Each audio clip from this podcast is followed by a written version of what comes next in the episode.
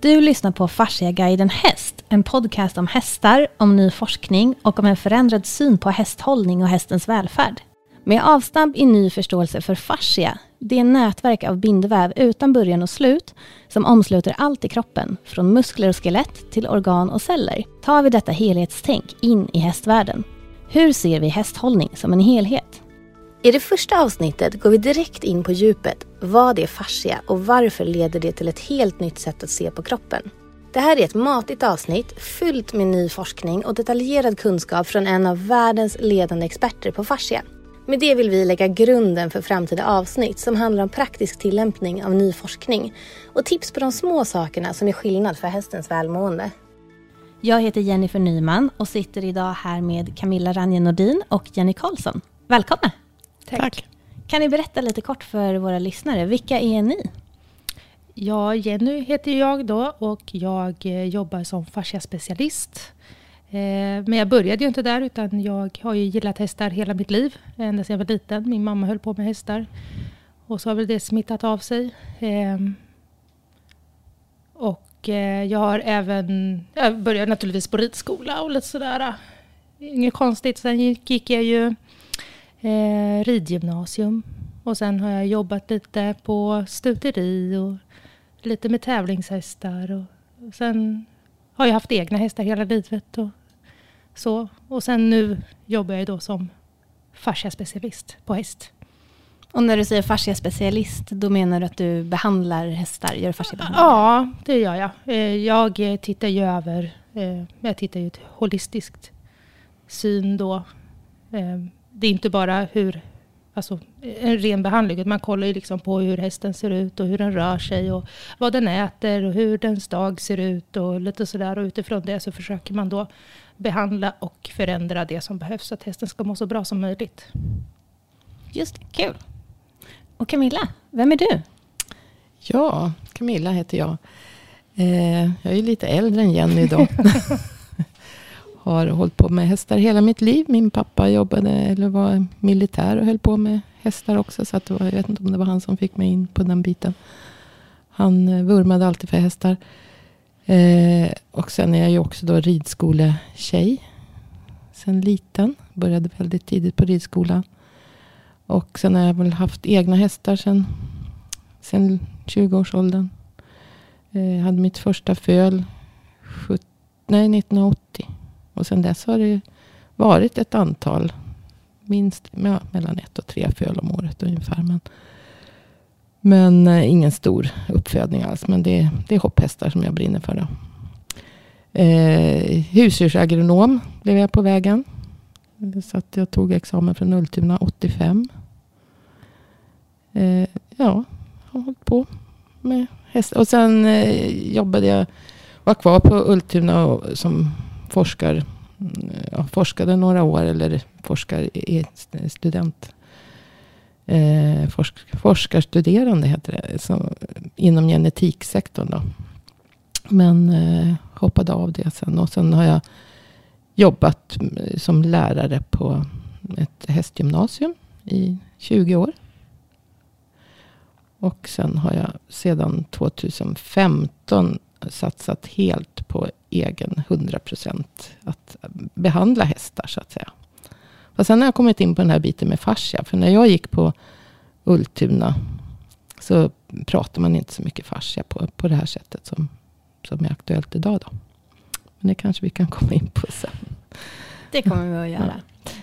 Men du har ju också examinerat bland annat Jenny och många andra. Mm. Ja, precis. Jag, eftersom, eftersom, jag jobbade som lärare i 20 år på hästutbildning så, och alltid har brunnit väldigt mycket för anatomi och fysiologi framför allt. Väldigt intresserad av fysiologi, både på, alltså på allt däggdjur överhuvudtaget, så att säga. Människor och häst och hund.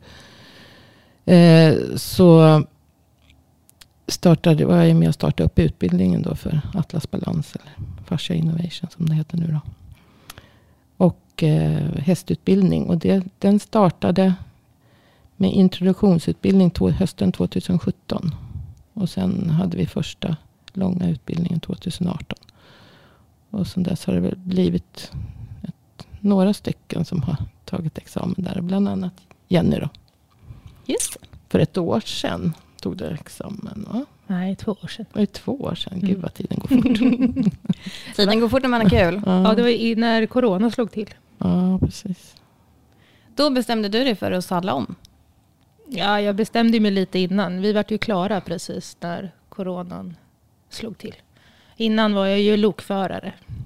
Så att, eh, då jobbade jag fullt med det. Jag är ju utbildad fasciaspecialist på säga- människa också. Vilket jag jobbar också med. då.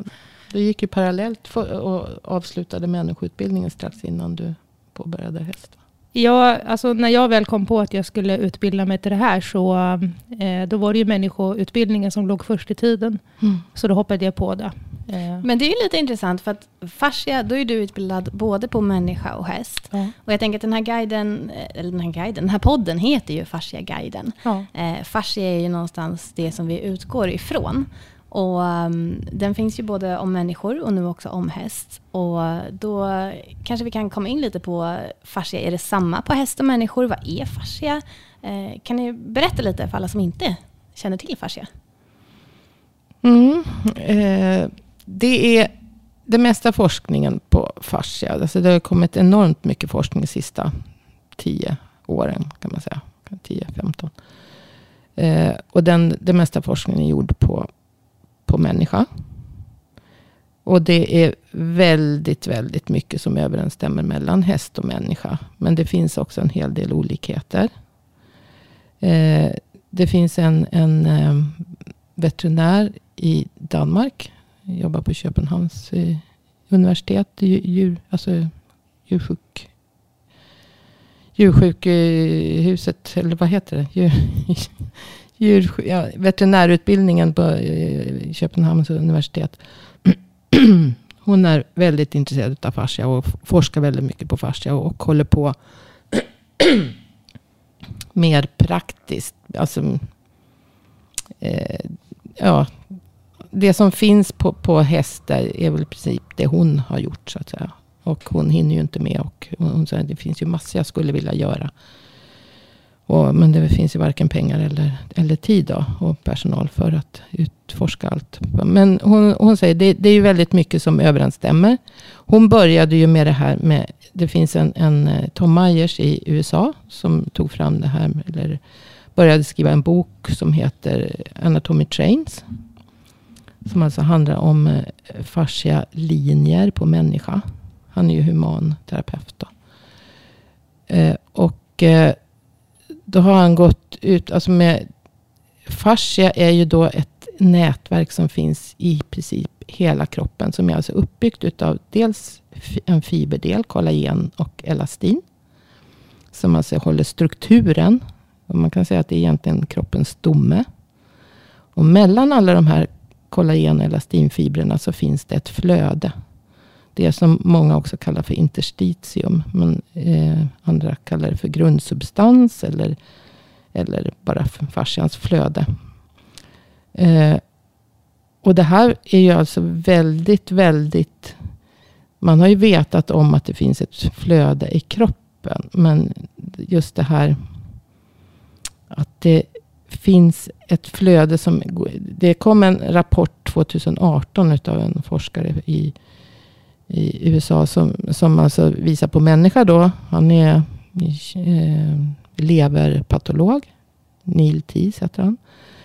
Han eh, visade att det här flödet, det här interstitiet i kroppen har kontakt precis, precis överallt i hela kroppen. Det finns mellan alla celler i kroppen och det finns mellan, går in i, mellanceller i organ. Så att det är inte så att organen är så att säga avgränsade strukturer som inte har, alltså som, som är liksom helt fristående öar i resten av kroppen. Utan allting har ett eh, kontaktflöde in, in, i, in i organen och mellan organets celler. Så att så han håller ju på mycket då med lever, som han är leverpatolog. Och han har alltså sett att in i, i mellan levercellerna Så cellerna i levern har ju då vissa uppgifter vad, vad de ska sköta. Och en muskelcell har ju andra uppgifter vad den ska sköta. Men mellan allt det här så finns det alltså ett flöde. Så att om han injicerade någonting bara in under huden. Så, eller in i levern. Så gick det här, det liksom spred sig så småningom runt i hela kroppen. Eh, det här är ju någonting som kineserna och alltså öst, den österländska medicinen har känt till i tusentals år. Att allting har ett, ett flöde och en, energi, en flödesenergi. Och att det så att säga, finns kontakt precis genom hela kroppen. Um, ja, så, så, att fascian är ju allt det här. Man, i, brukar, jag brukar säga, ju mer jag... Alltså, jag har ju läst enormt mycket, tusentals forskningsrapporter om, om fascia de sista åren. Sen jag började med den här utbildningen. Då. Och eh, det, alltså det, det, landar bara i till slut att, att fascia är precis alltid. När, när det är det här fibernätverket och flödet. Det är det det består av. Och det finns precis överallt. Så, så landar det att allting som inte är specifika celler så att säga. Är fascia. Och det är det man brukar kalla den extracellulära matrisen. Extra betyder ju då utanför extracellulär substans. Så att säga. Extra, allt, det, allt det som är utanför cellerna. Det är fascia. Fast fascian har också sina celler. Som bildar dess, de substanser som liksom bygger upp fascian. Så det, det, det blir lite teoretiskt det här. Fascia är inget man lär sig på en kafferast. Utan det finns väldigt mycket att eh, ta in. Det fin, finns väldigt, väldigt mycket. Det, det, är så intressant. just att För när jag gick på Ultuna så var fascia, det var den här vita hinnan. Och det var också något som man, man läste överallt när jag började arbeta med, den här, med maskinen. Eh, och jobba med hästar. Alltså innan, så jag höll på att massera hästar. vid sidan om lärarjobbet och sådär. Och även, vi hade ju hästar på skolan. Så att jag masserade dem och lärde eleverna lite så. Men sen 2015, sommaren, hösten 2015 så skaffade jag maskinen. Och överallt så läste man att fascia är den här vita hinnan runt köttbiten. Men det är ju inte riktigt så simpelt så att säga. Som att det bara är den här. Och det var, det var ju så som jag var upplärd från Ultuna. För att den här vita hinnan när man dissekerade djur, alltså vi dissekerar ju alla möjliga djur. Eh, då skulle man ha fram ett organ. Nu ska vi titta på magsäcken eller nu ska vi titta på njurarna. Man, man skar ju bort allting. All, alltså man bara skar ju bort all, all fascia. Och det är precis så som fasciaforskarna säger idag också. Att för det, de, de flesta av dem är ju läkare, alltså på något sätt eh, anatomiskt utbildade. Då det var det de fick lära sig. De skar bort det för att de skulle fram till de här viktigare eh, organen. Så att säga. En lever, en njure, en magsäck, en tarm. Eller... Just det. Eh, så om vi ska fortsätta lite på fasciaspåret så tänker jag Jenny, du eh, jobbar just med fasciabehandlingar mm. Eh, på både häst och människa. Men mm. om vi fokuserar på då häst. Yeah. Vad, vad är en fasciabehandling? Vad händer och hur hänger fascian ihop med hela hästens anatomi? Vad har den för betydelse för en hästkropp? Ja, den har ju all betydelse. det är ju precis som Camilla säger, fascia är allt som inte är celler. Om man ska ta ner det lite mer begripligt så kan man ju säga att senor är ju en typ av fascia som är väldigt strukturerad. Eh, du har ju då eh, ligament och, eh, och det är ju sånt som håller upp och är liksom ger stadga. De här vita hinnan som du pratar om också. Det är ju liksom sånt som vi kan se och kan ta på. Eh, och all, all all forskning och all eh, dissekering och allt sånt har ju skett på döda djur. Och då har man ju inte sett helheten heller på fascia. För att flödet finns ju inte på, på det som är dött. Eh, så att vi har ju då alla de här strukturerna, den här strukturerade fascian då, i senor och ligament. Och eh, även skelettet är ju eh, fascia mm. som mm. är mineraliserat. Eh, och sen har du då den här flödesbiten, den här extracellulära matrisen som då binder ihop allting och eh, ser till att alla celler får näringen och det sker information. Och, alltså det är så mycket. Liksom, och I och med att då den här Du har den strukturerade delen och så har du då den här flytande delen som binder ihop allting. Vilket gör ju att det är ju, alltså hela hästen är ju beroende och ut, alltså allt den utsätts för påverkar ju fascian på ett eller annat vis. Och den är ju beroende av fascian för att kunna röra sig, för att kunna, liksom, ja, för att kunna existera helt enkelt. Så när du säger allt som den utsätts för, är det när den går i hagen eller ja. under ridning? Ja.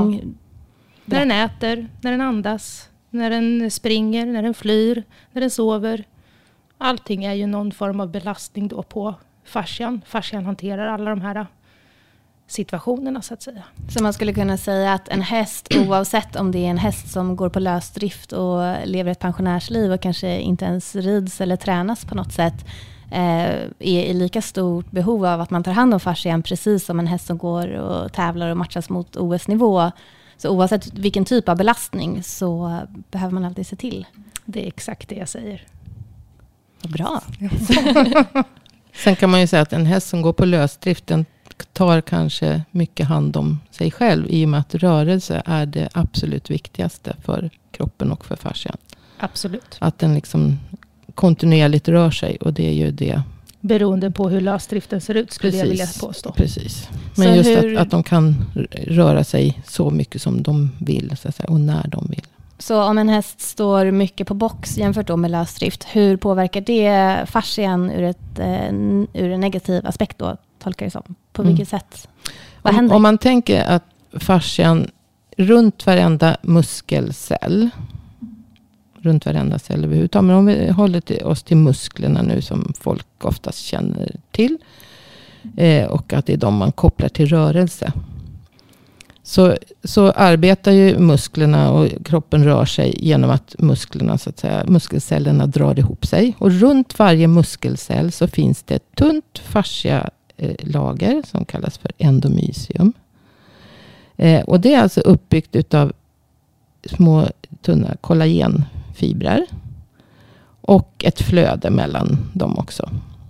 Och eh, muskelcellerna är ju... Eh, Alltså muskel, om man tittar på en köttbit så ser man att muskelfibrerna går i en viss riktning. Och de går ju ofta liksom från Förr prat, man pratar ju mycket, eller förr man pratar fortfarande så, men om ursprung och fäste så att säga. Att den, den har ett, en ursprungsscen och en fästescena eller flera fästescener. Så att det, där muskeln går emellan. Så när muskeln drar ihop sig så drar den i de scenerna. Varpå då en, en ben, ett ben rör sig så att säga. Eh, men när de här muskelfibrerna drar ihop sig så kommer ju det att fortplanta sig in i den här fascian som ligger runt muskelfibern. Och sen ligger det då flera sådana här muskelfibrer hopbuntade med en ännu lite kraftigare fascia hinna runt sig. Och nu säger jag hinna, men mellan det här, om man även tänker liksom i flera dimensioner, så går det också fars, eh, kollagenfibrer som alltså på tvärsen och, så att det är inte så att det är en hinna som inte har kontakt med nästa hinna. Utan det går små trådar emellan. Även uppåt neråt. Det är svårt när man inte har någonting att rita på. Svårt att visa i en podd. Precis. ja. eh, men om man tänker sig att det, det, är liksom, så att allting har kontakt. Det är inte så att det är tomma ytor där det mellan två olika lager. Utan det är fibertrådar som går emellan där också. Och det är ett flöde. Eh, och fascian är ju uppbyggd så liksom att, jag, jag sa först är det muskelfibrer och sen är det buntar av muskelfibrer som är en fascia. Och sen är det buntar utav sådana buntar, fasciklar. Som alltså bygger upp en hel muskel. Och sen är det då en kraftigare fasciahinna runt den muskeln. Och alla de här, när en muskelfiber drar ihop sig, eller flera muskelfibrer drar ihop sig. Så fortplantar sig ju den rörelsen i den här, det här lilla tunnare endomyset som jag sa. Och sen fortplantar det sig ut i, i de andra fasciahinnorna. Eftersom allting är hopkopplat som ett nätverk. Så kommer det att dra i allting. Så att det är inte bara så att muskeln drar i sina senor. Utan man säger att 30 procent av kraften när muskeln arbetar går åt sidorna.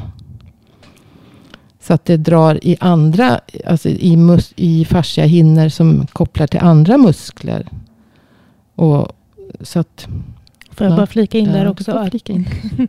Eh, och det är ju också fascian där, den eh, lösa delen av fascian mellan varje fiber. Det är också Precis. det som funkar som eh, glidmomentet. Eftersom alla de Precis. här muskelfibrerna skulle, skulle ju skava mot varandra om det inte fanns någon glidmoment emellan. Och det är ju fascian som ser till att det fungerar. Att när det sträcks och dras ihop att, att det glider som det ska. Så vad händer då med allt det här om hästen inte får röra på sig? Ja, det stelnar ju ihop. Det är ju hyaluronsyran som, molekylerna som blir för stora och då stelnar det och det blir stelt. Säger jag rätt då? De, ja, ungefär. De, de eh, självaggregerar säger man. Att de, Mm. de liksom klumpar ihop sig. Om det, det, det är så att, att mellan de här hinnorna, om vi säger fortfarande säger att det är mellanhinnor. Men det, fascian är alltså uppbyggd utav, som Vibeke säger, när man dissekerar en häst. Så ser hon direkt liksom hur kraften går. Därför att när hon skär in i en muskel och får fram de här fasciahinnorna. Så ser hon att ja, på ett ställe här är det väldigt, väldigt vitt, väldigt mycket kollagenfibrer. Men lite längre bort, där är det tunnare med kollagenfibrer. Och egentligen då, fast det ser hon inte när hon dissekerar, men det, det kanske är mer luckert, mer flytande. För fascian ändrar sammansättning och struktur efter belastning. Och då ser hon att där är mycket kollagenfibrer. Där är en hög belastning.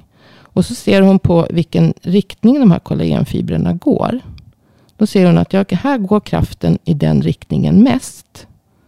Och då, och då försöker ju, då har ju liksom kroppen stärker alltså det, det ställe där det, där det utsätts för mest belastning.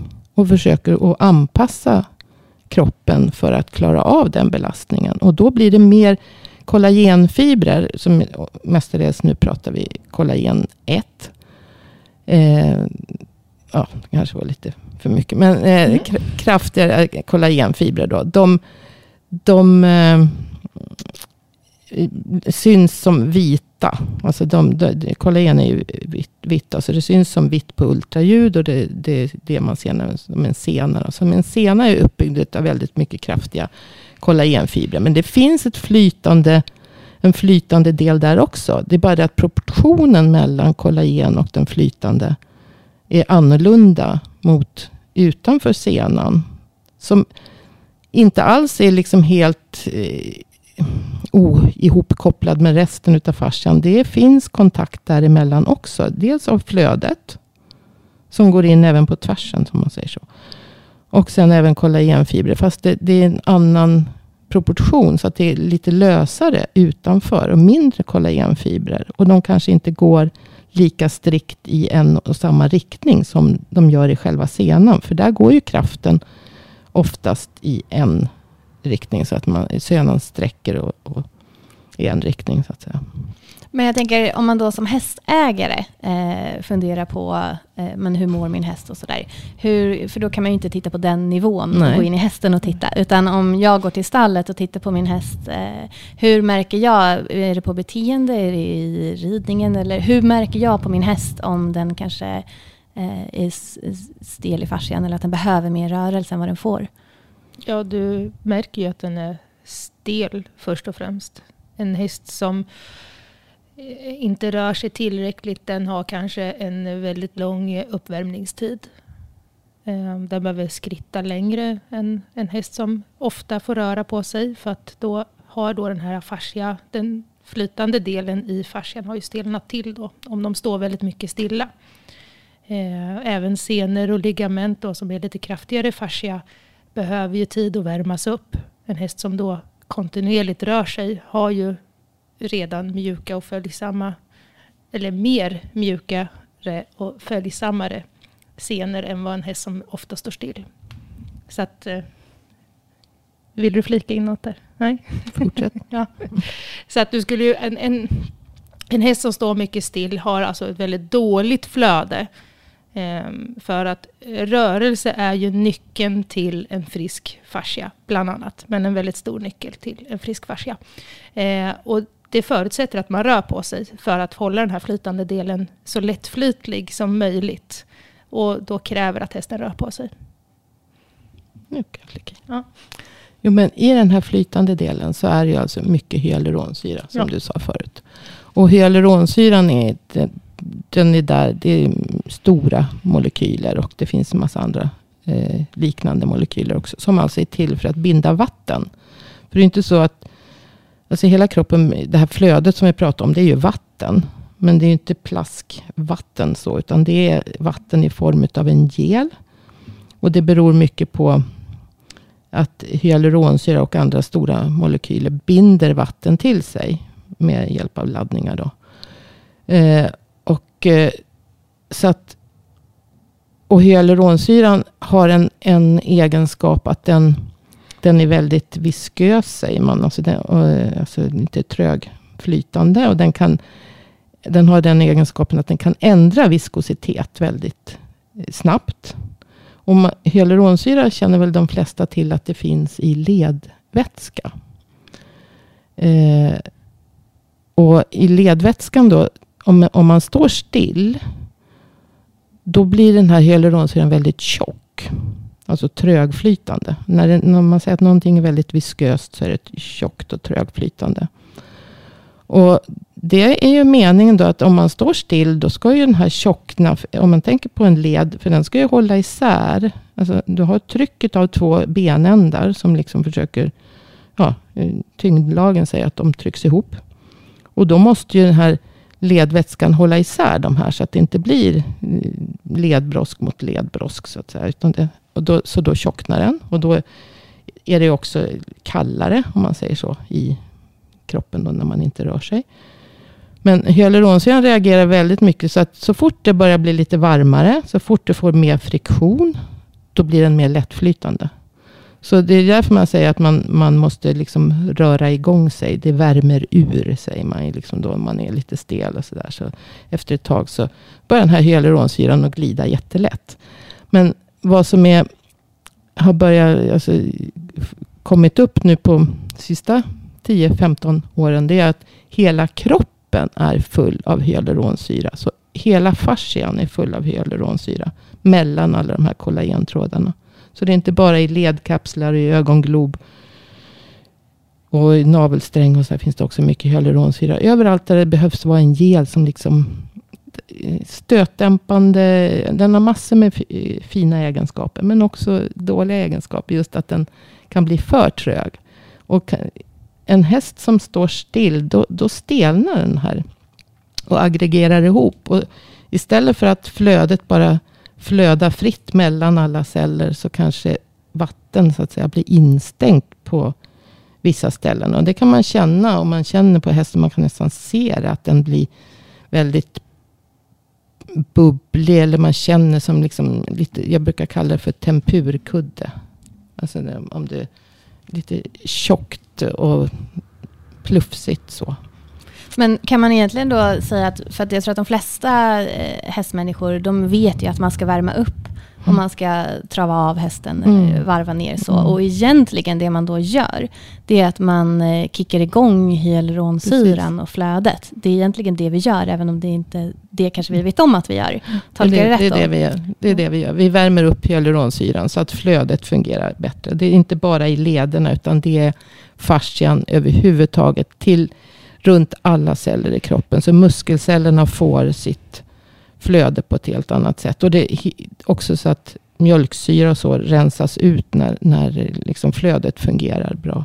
Just det. Och jag tänkte bara att det är ju inte alltid så svart eller vitt. För nu sitter ju vi här och säger att ja, det är jättebra med rörelse och använder lösdrift som exempel. Men för det första är det ju inte alla hästar som funkar på lösdrift. Eh, och det är inte alla hästmänniskor som har möjlighet att hålla sin häst på lösdrift. Och det passar ju inte alla heller. Så att man måste ju alltid se till individen och det individuella behovet. Men om man då har en häst som man har på box och man kanske har den lite mer på box än vad man skulle vilja och så.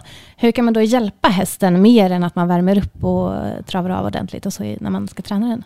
Och så säger jag bara att eh, travar av det och skritta av. Det är ju lite samma effekt. Där ska du ju kyla ner. Alltså du ska ju liksom kyla, få, kroppen är fortfarande varm och flödet fungerar. Men all, all mjölksyra, allting ska ut ur, ur flödet så att säga. För att rensas ut. Och, och inte bara rensas ut utan tas om hand igen i levern och så. där. Just det. Och vad mer kan man göra? Ja, till att börja med så skulle man nog i alla fall ha längre uppvärmning.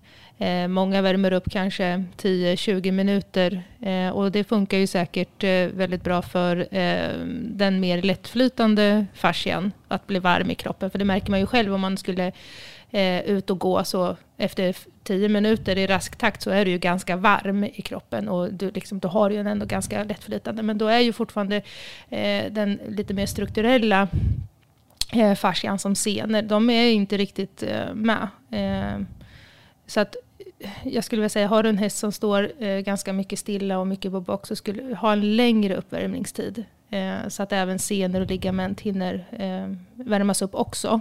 Eh, och även eh, eh, och det är ju också något som börjar bli lite mer populärt, att man har såna värmelämpor. De här infraröda eh, värmelamporna, de mm. påverkar ju också fascian, för värme påverkar hyaluronsyran och gör den mer lättflytande. Eh, så det kan ju vara väl värt att tänka på att man eh, kan värma hästen eh, under sådana innan man eh, börjar rida på den. jag skulle också vilja Eh, och att man kanske tränar, eller inte tränar, men att man rör på den eh, manuellt då. Eh, kanske mer än en gång om dagen. Eh, har man möjlighet till skrittmaskin eller alltså, ta en promenad i skogen så att den får liksom mer rörelse än eh, den, de 40 minuterna man rider på den. Och vilket skulle vara bäst om man har, eh, om vi nu förutsätter att man har de möjligheterna. Mm. Är det då att man har ett eh, långt pass, man håller igång hästen länge, man värmer upp ordentligt och så tar man en härlig ridtur i skogen och sen så eh, joggar man ner och så. Eller är det att man hellre har att man kommer dit på morgonen och kanske tar hästen på promenad i skogen och sen att man rider på eftermiddagen. Man då, vill man få in rörelse kortare och oftare eller vill man ha lång stund? Man vill ha kortare, kortare. och oftare. Mm. Det vill man nog ha. Och, man, och, och, kanske mindre e-, e-, effektiv träning och kanske längre igångsättning. Och, alltså man lägger mer tid på att eh, jobba igång den än att faktiskt träna den. Mm. För själva mm. träningen kan man göra ganska kort men ändå effektivt. Är det ja. någon skillnad på yngre och äldre hästar? Ja, en äldre häst kanske, ja, det beror lite på hur, hur frisk den är i fascian. Det finns ju äldre hästar som är betydligt friskare i fascian än uh, unga hästar som knappt är inridna eller inkörda. Så det beror ju helt på hur, eh, hur häst, alltså det är jätteindividuellt. Och vad alltså, mer då kan ha påverkat, för jag tänker om du säger en ung häst som knappt är inriden, då är det ju inte att den kanske oftast då bara har stått på box, utan det finns ju mycket annat som påverkar fascian och eh, i både hästhållningen och hur vi tränar hästar idag och sådär. Så vad mer är det som har väldigt stor påverkan på fascian som man kanske behöver tänka på? Foder. Ja, alltså, åldern påverkar ju fascian. Och det, det, finns ju inte direkt någon forskning på häst och, och hormonernas påverkan på fascian. Hästar har ju inte samma typ av eh, cykel som människan har. Och med klimakterier och så. Som liksom där östrogenproduktionen minskar eh, med åldern. Utan, men, men åldern påverkar helt klart eh, fascian. Så, så att, och det har ju kan inte gå in på alla eh, små detaljer här. Men det, alltså, med åldern så blir fascian eh, försämrad kan man säga. Så det blir en sämre hållbarhet. Den blir skörare, den blir mer ömtålig. Eh, den kanske också blir lite stelare. Hyaluronsyreproduktionen minskar och kollagenproduktionen minskar. Men jag tänkte på det här med träningen och, och ofta du sa så finns det forskning på människa i alla fall. Att fascian, fascia, det finns celler i fascian som producerar kollagen. De heter fibroblaster. Och eh, det är en, en, eh, professor i USA som håller på med, med sport och, och träning på, och fascia på människor. Då, som eh, jag lyssnade på för några år sedan. Och eh, han sa att eh, fibroblasterna stimulerar, alltså när man tränar så stimuleras ju de utav eh, Alltså, när du tränar så, så liksom, all, hela kroppen rör sig och dras i. Och då trycks cellerna ihop. Det, det händer överallt i kroppen så att säga. Och när de här fibroblasterna trycks ihop, då blir de, får de en stimulans in i cellkärnan att producera mer kollagen. För att nu arbetar jag och nu krävs det att jag blir starkare, eller att jag stärker upp kroppen. Och då måste jag producera mer kollagen. Samtidigt som när man då tränar att kollagenet bryts ner. Så kroppen liksom byggs om. Det bryter ner kollagen men det byggs upp eh, nytt. Så att eh, kroppen förnyas så att säga. Och den här stimulansen utav fibroblasterna blir väldigt teoretiskt igen. Men den, den varar ungefär max 10 minuter säger han. Sen lägger de av. Och de, vill inte, de tar inte mer stimulans. Och då menar han att, att 10 minuters träning. Då, då liksom svarar fibroblasterna med att bygga nytt. Sen måste de vila 6 timmar. Innan de så att säga, får ny stimulans för att bygga, bygga nytt kollagen. Och det här är ju framförallt användbart vid rehabsituationer. Men det måste gälla även annars. Så att, säga, när man, så att därför det är bättre med små korta pass. Om, om nu inte hästen har möjlighet att röra sig eh, kontinuerligt under dagen i en hage. Vilket alla hästar borde få göra med kompis.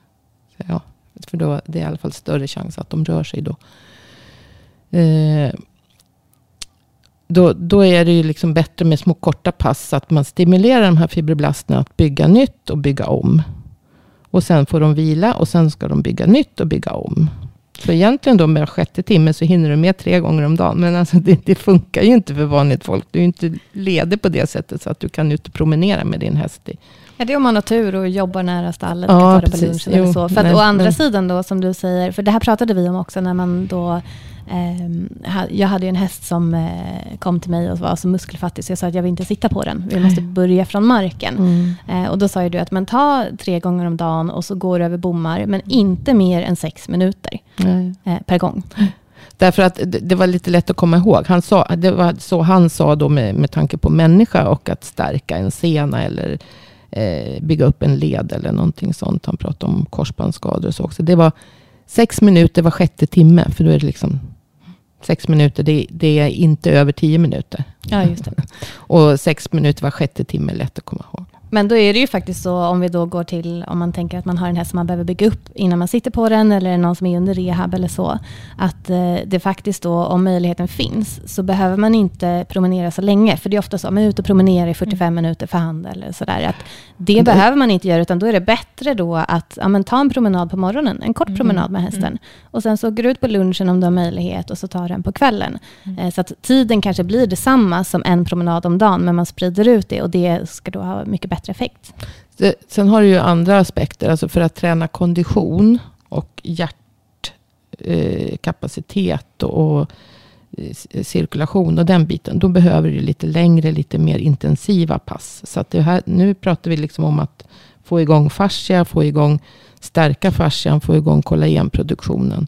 Det är lite annorlunda då mot att, att eh, alltså en, en galoppör och en, en travare, en hopphäst. De som kräver mycket. Det är klart de måste träna kondition och uthållighet också. Och då kommer vi in på det här med varierat arbete. Ja. Eh, och det kan vi säkert göra många avsnitt om.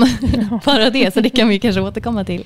Eh, men om man ska summera lite av det som vi har pratat om nu. Så tänker jag att då, då menar ni att fascia, det finns överallt. Och allt som vi gör och den miljön vi placerar hästarna i, oavsett hur vi tränar dem eller om vi ens tränar dem överhuvudtaget, påverkar hästens fascia, vilket påverkar hästens välmående. Och det finns massor som vi kan göra för att hjälpa hästarna att må ännu bättre. Mm. Ja. Hålla igång flödet, det är rörelse. Och... Hålla igång flödet. Mm. Avslutar vi med de orden, håll igång flödet vid hästen. Jajamän.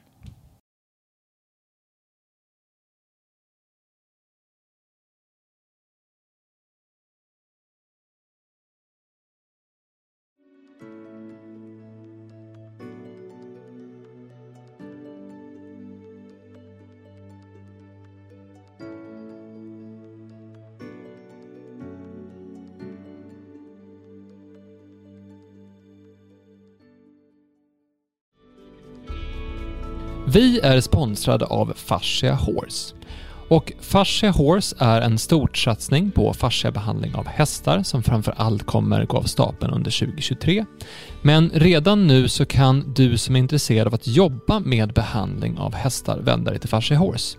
För Fascia Horse är återförsäljare av eh, förträffliga behandlingsmaskiner som hjälper hästen att bli mer rörlig och avslappnad och som är anpassade för fascia. Och eh, Fascia Horse har även workshops och utbildning för dig som vill bli terapeut och jobba med hästar. Så gå in på fasciahorse.se och läs mer.